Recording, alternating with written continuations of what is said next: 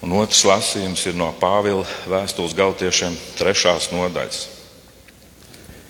Brāļi, es runāju cilvēcīgi, arī cilvēku pēdējo gribu, kas stājusies spēkā.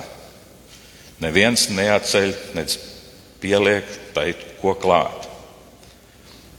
Ābrahamam un viņa dzimumam ir doti apsolījumi. Nav rakstīts un dzimumiem.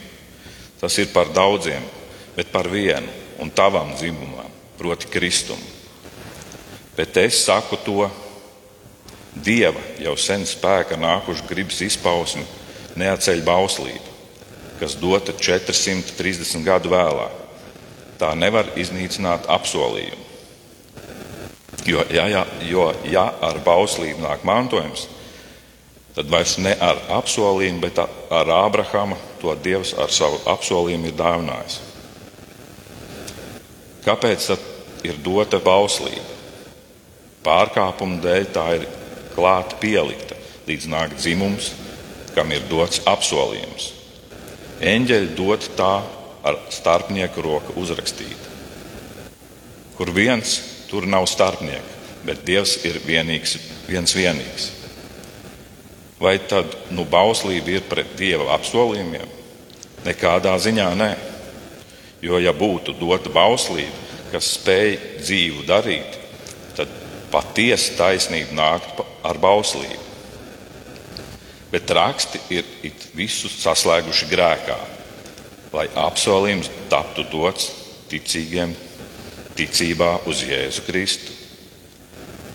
Bet pirms nāca ticība, mēs bijām turēti ieslēgt bauslības važās, līdz parādītos ticība, kurai bija jānāk. Tātad bauslība līdz Kristum ir bijusi audzinātāja, lai mēs ticībā kļūtu taisnoti. Bet tad ticība ir nākusi, kad audzinātājai nav vairs vārds par mums. Jūs jau visi ticēdam uz Jēzus Kristu, esat Dieva bērni. Jo jūs visi, kas esat kristīti Kristus vārdā, esat tērpušies Kristū. Tur nav ne jūda, ne grieķa, nav ne kalpa, ne svabadā. Tur nav vīra, ne sievas, jo jūs visi esat viens Kristū Jēzu. Bet kad jūs piedarat Kristum, tad jūs esat Ābrahama dzimums, mantinieki pēc apsolījuma. Tā kunga vārds. Lasījums no mūsu Kunga Jēzus Kristus evaņģēlija, ko uzrakstījis Svētais Lūka 17. nodaļā. Ceļā uz Jeruzalemi viņš nonāca, nonāca apvidū starp Samariju un Galileju. Viņam ieejot kādā ciemā, pretī nāca desmit spitālīgi vīri. Tie apstājās iztālēm un skaļā balsī sauca: Jēzu mācītāji apžēlojies par mums! To ieraudzījis viņš tiem sacīja: Ejiet un rādieties priesteriem. Un notika, ka tie ceļā tapa šķīsti. Viens no tiem redzēdams, ka ir izārstēts, griezās atpakaļ, skaļā balsī slavēdams Dievu. Un Jēzum pateikdamies, tas krita uz sava vaiga pie viņa kājām. Tas bija samarietis. Jēzus vērsās pie tā un sacīja: Vai tad visi desmit nekļuva šķīsti no spitālības? Kur ir tie deviņi? Vai tad cits neviens neatradās, kas grieztos atpakaļ un pagodinātu Dievu kā viens šis citautietis? Viņš tam sacīja: Celies un ej, tava ticība tevi ir izglābusi. Tā kunga vārds. Mīļais Dievs, mēs slavējam Tevi par Tavu žēlstības evaņģēliju un lūdzam, nāc ar savu svēto garu, piepildi to, piepildi mūsu sirdis, ka mēs to varam uzņemt. Jo Tavi vārdi ir patiesība. Āmen.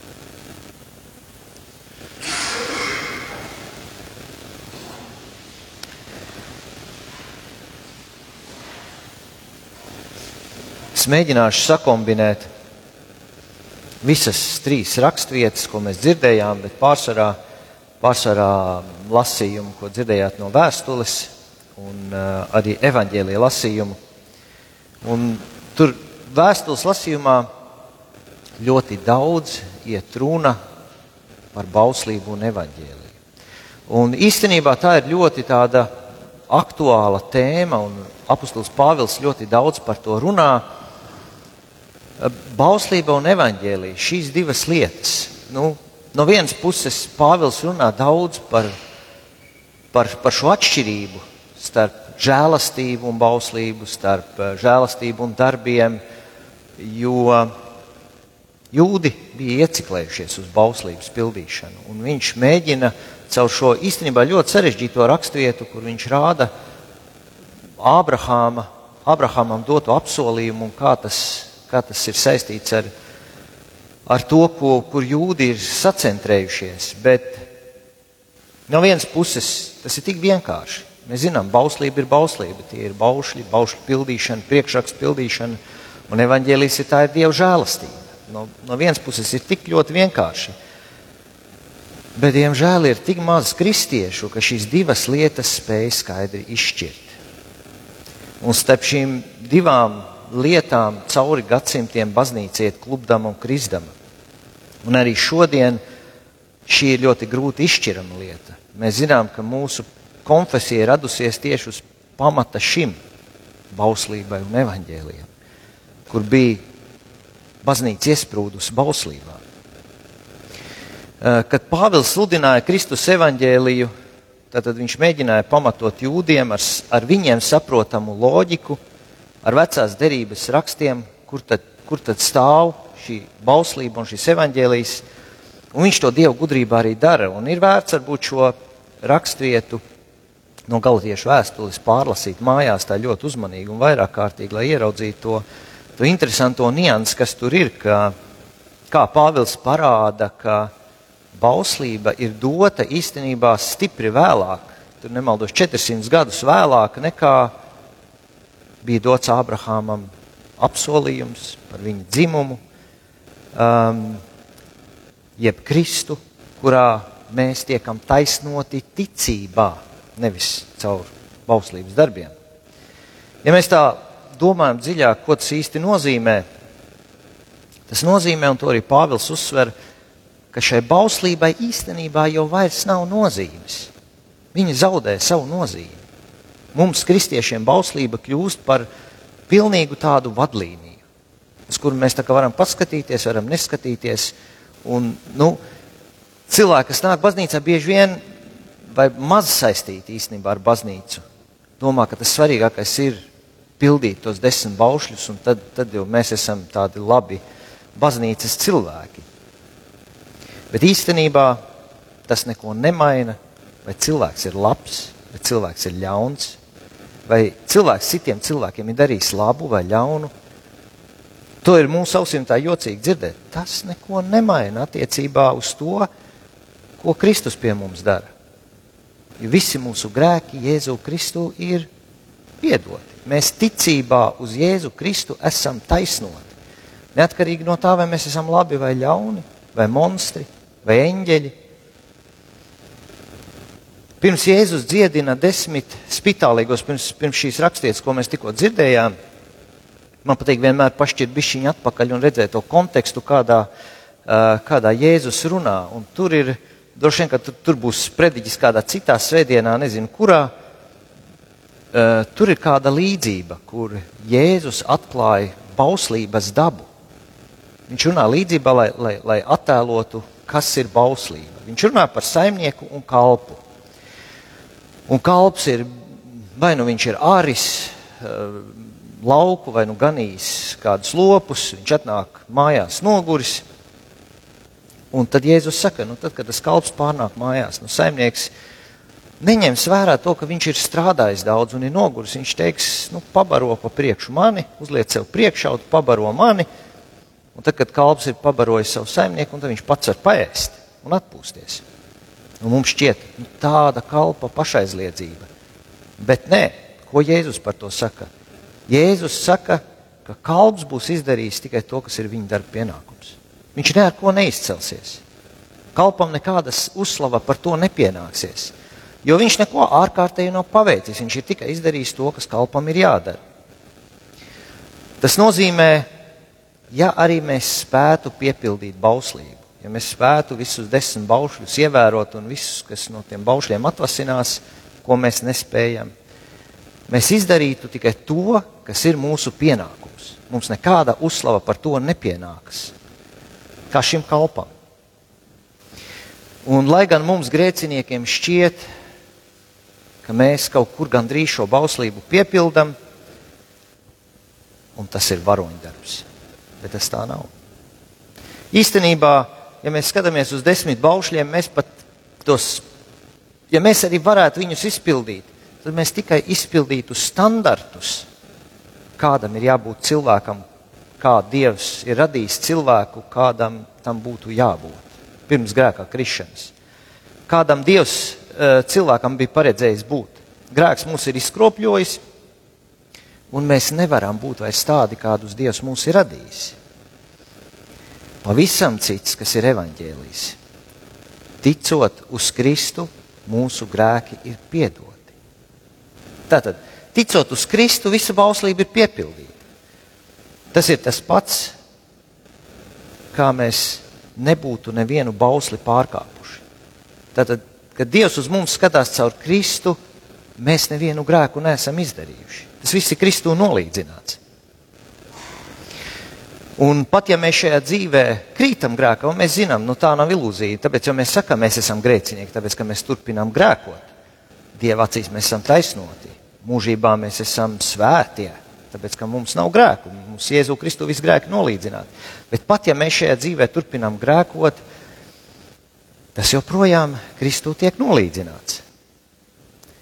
Mūžībā tēva acīs mēs no stāvokļa grēcinieks ticībā uz Kristu nonākam stāvoklī, attaisnots, jeb taisnots Jēzu Kristu. Un mēs tiekam, tā arī Bībelē ir teikts, mēs tiekam kristībā ietērpti Kristū. Un ja mēs esam ietērpti Kristū, tad mēs esam tādi, kā mēs būtu visu baušļus piepildījuši un nebūtu nekādu grēku darījuši. Un mūsos, dēļ tā mūsos var iemājot svētais gars. Svētais gars var mājot tikai tādā cilvēkā, kas ir Kristu ietērts, kurš ir taisnots un kura grēki ir nolīdzināti Jēzu Kristu. Mēs tādi esam. Un tad svētais gars mūs mudina darīt dievišķus darbus. Nu, to, ir, es vienkārši saku teoriju, to jūs visi esat piedzīvojuši savā dzīvē, kur uh, svētais gars mūs mudina kādam kaut ko labu pasakīt, kādu labu darbu izdarīt, uz kādu kalpošanu mūs mudina. Un uh, viņš kopā ar mums, mēs esam darba biedri ar Kristu caur svēto garu, mēs darām šīs lietas, un šie darbi, tas nav vairs tikai tas, kas kalpam vienkārši ir jāpaveic. Nē, šie darbi, ko dara kristietis, kas ir taisnots Kristū, kas ir svētajā garā, tie darbi kļūst par uzslavas vērtiem. Šie darbi ir tie, ko Bībele min kā manta debesīs. Šie darbi ir tie, kur mēs tiesas dienā dabūsim uzslavu un algu. Tātad tie, ko dara taisnots kristietis kopā ar svēto garu. Un nevien tiesas dienā, bet arī šajā dzīvē. Tātad vēl skaidrākai saprašanai mums, kristiešiem, ir jādzenas nevis, lai mēs izpildītu, nevis, lai mēs ierau, ievērotu baušļus, vai lai mēs būtu labi cilvēki. Tas nav tas uzstādījums. Tas nāk līdz tam visam, bet tas nav tas uzstādījums un mērķis, uz ko mēs ejam. Mums ir jāmeklē Kristus un draudzība ar viņu. Ir, protams, labi nepārkāpt baušļus. Ir labi, ka mēs esam labi cilvēki, bet tas nevar aizvietot to, ko mēs saņemam ticībā uz Kristu.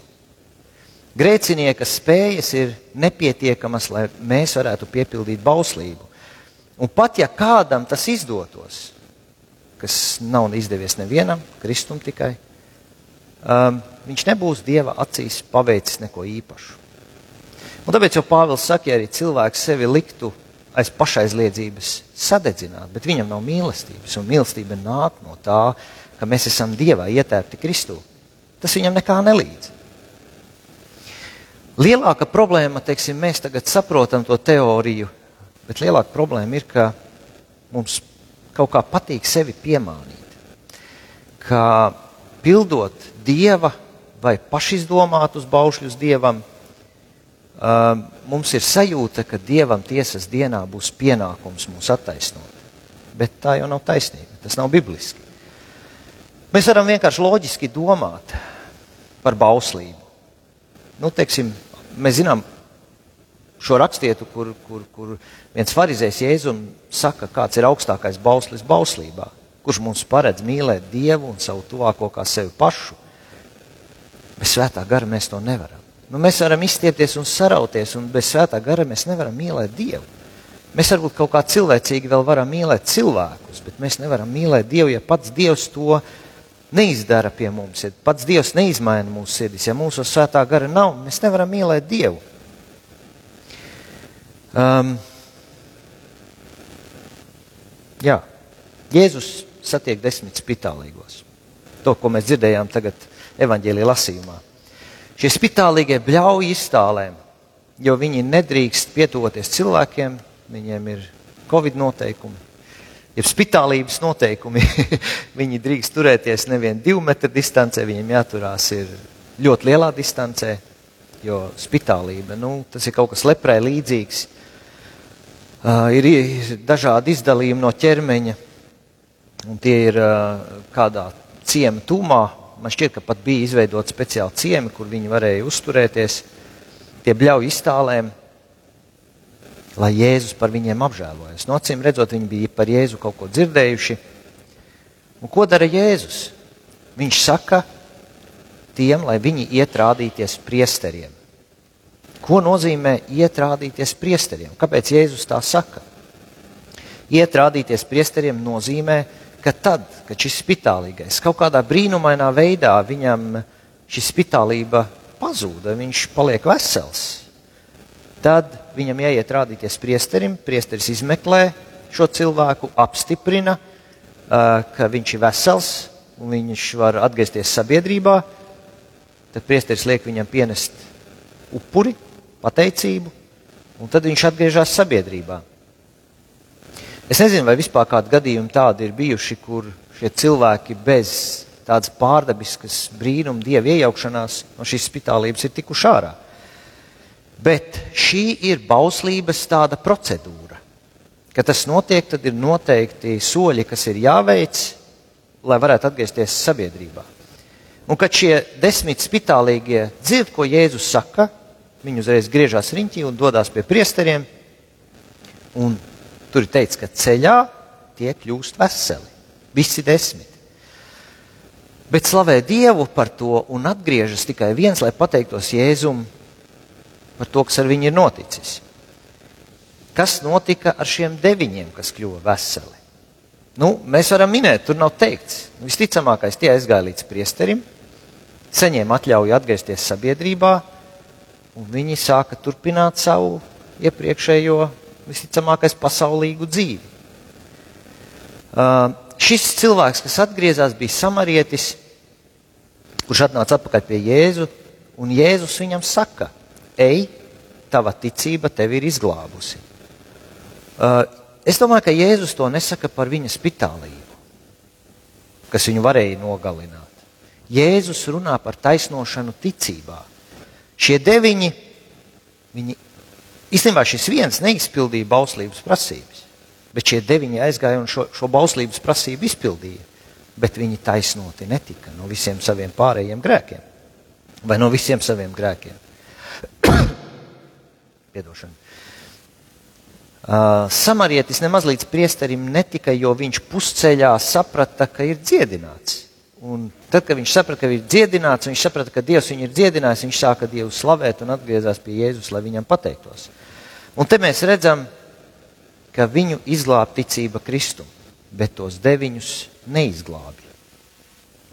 Mēs, kristieši, pat tad, kad esam piedzīvojuši Kristus evaņģēliju, un tas ir visbiežāk, kad mēs atgriežamies, kad uh, mēs saprotam, mums nāk grēka atziņa, un kad mēs piedzīvojam, ka, ka Jēzu Kristu mūsu grēki ir piedoti, ka mēs esam glābti. Tā kā mēs sākam praktizēt savu ticību, vēlams atkal mūs kārdina, lai mēs atkal iekristu bauslības jūgā, lai mūs iedzītu šajā bauslības jūgā, lai mēs Kristu atmestu. Jo tad, kad mēs pildām bauslību, kam mums Kristu, ja mēs visu pašu izpild, paši izpildām? Un ko tad mēs darām, kā tas izpaužās? Es varbūt teikšu lietas, ko varbūt mācītāji nesaka saviem draugiem. Mēs sākam likt uzsvaru uz daudz lūgšanām, uz lūgšanu daudzumu, uz gavēņiem, uz kalpošanu, daudz kalpošanu, bet ar, ar konkrētu bauslīgu attieksmi, uh, uz tādu uzcītību lietās, uz strādību. Um, mēs mēģinām no sevis dabūt ārā, ka mēs esam labi kristieši, protams, pēc kaut kādiem kritērijiem. Mēs esam kārtīgi, pieklājīgi, ka mēs esam vienkārši labi cilvēki. Izņemot tos brīžus, kad mēs nesavaldāmies, un mēs sabadāmies un izstrīdamies vai aprunājam, un, eh, bet, bet tas jau neskaitās. Mēs esam principā labi cilvēki. Un tas ir apmāns. Un tad, kad mēs tā ieejam šajā bauslības jūgā un cenšamies un cenšamies un cenšamies, mēs vienā brīdī saprotam, ka mums jau Kristus nevajag. Mēs jau cenšamies, mēs jau tiekam galā. Um, mēs ne tikai atgriežamies un tiekam uh, evaņģēlijā glābti no mūsu grēkiem, bet mums arī tālāk evaņģēlijā ir jādzīvo. Un uh, mums ir jā, jāatzīst, ka esam spējīgi lūgt vienīgi tāpēc, ka Dievs mums to dod. Un mums ir jālūdz, nav par to tas stāsts. Mums ir jā, jālūdz, jābūt labiem cilvēkiem, mums jābūt pieklājīgiem. Um, mums ir arī jāgavē, tad, kad Dievs mūs uzrunā gavēt, tad, kad mēs saņemam impulsus no svētā gara, ka ir jāgavē, tad ir jāgavē. Tad atkal nedrīkst neklausīt. Um, bez Dieva spējas, ka mēs spējam patiesi lūgt, mēs to nemaz nevaram izdarīt bet mēs arī, nu, tā bauslīgā gavēšana būtu, ka mēs uzstādām gavēšanas rekordus, ar ko mēs varam palielīties, pacelties pāri citiem kristiešiem, ka mēs esam garīgāki par citiem kristiešiem. Nu, jūs redzat, bau, tā bauslības pildīšana viņa ved tādā garīgā augstprātībā. Mēs esam labi kristieši vien tad, kad atzīstam, ka tajā, ka mēs vispār esam kristieši, ir Kristus nopelns un ne mūsu. Un tur pazūd, tur pazūd jau kāds pamats tīksmināties par sevi, par to, cik es esmu labs cilvēks vai cik es esmu labs kristietis. Tur rodās vēlme tā vietā pateikties Kristum. Tad, kad man pašam nāk kārdinājums domāt, ka es esmu labs cilvēks, ir vērts pārkāpt sev pāri un apstāties tajā brīdī un pajautāt Dievam, Dievs, vai es esmu labs cilvēks? Es, kad tā esmu darījis, tad Dievs parasti uz pirmo, ko viņš parāda, ka viņš man mīl un ka es Kristu esmu taisnots. Tas ir sākumā tādas lietas Dievs man parāda. Un tad Dievs mazliet parāda manus trūkumus. Kādas situācijas, eh, nu vienkārši nāk atmiņā kādas situācijas, ko es esmu piedzīvojis, kuras var ieraudzīt to savus trūkumus. Un tas sagrauj un iznīcina pilnīgi jebkādu ilūziju par to, ka es esmu labs cilvēks. Bet bieži vien mēs kristieši baidāmies to redzēt. Mēs negribam to redzēt. Mums patīk šī ilūzija, ka mēs paši kaut ko varam, ka mēs paši kaut kas esam. Es varu nest lielu svētību cilvēkiem, bet tikai tāpēc, ka Dievs vēlas caur, to, caur, caur mani to paveikt. Bet man vismīļākais tāds evaņģēlīja pants, kas man atgādina visu laiku evaņģēlīju, ir, kur Jēzus saka, bez manis jūs nenieka nespēja darīt. Jāņa 15. Pie evaņģēlija ir jāpierod. Tas ir kaut kas mums svešs, tas nāk no ārpuses, tas nav dabisks mūsos, un mēs viņu sevī neatradīsim. Ja mēs zinām šo uzstādījumu, mēs viņu meklēsim pie Dieva, lai mēs to varētu saprast. Jo Dievs tikai šo evaņģēliju var mums atvērt. Viņš nav dabisks, bet mums arī jārēķinās ar to, ka evaņģēlijas sagrauj mūsu lepnumu, sagrauj mūsu ilūzijas par to, ka es kaut kas esmu, jo viss ir Kristus nopelns. Un es novēlu, ka Dievs šo atziņu mūsos nostiprina, evaņģēlīju mūsu acīm un sirdīm mums atklāja un nostiprina, ka mēs varam dzīvot kā kristieši Jēzus Kristus evaņģēlijā. Āmen!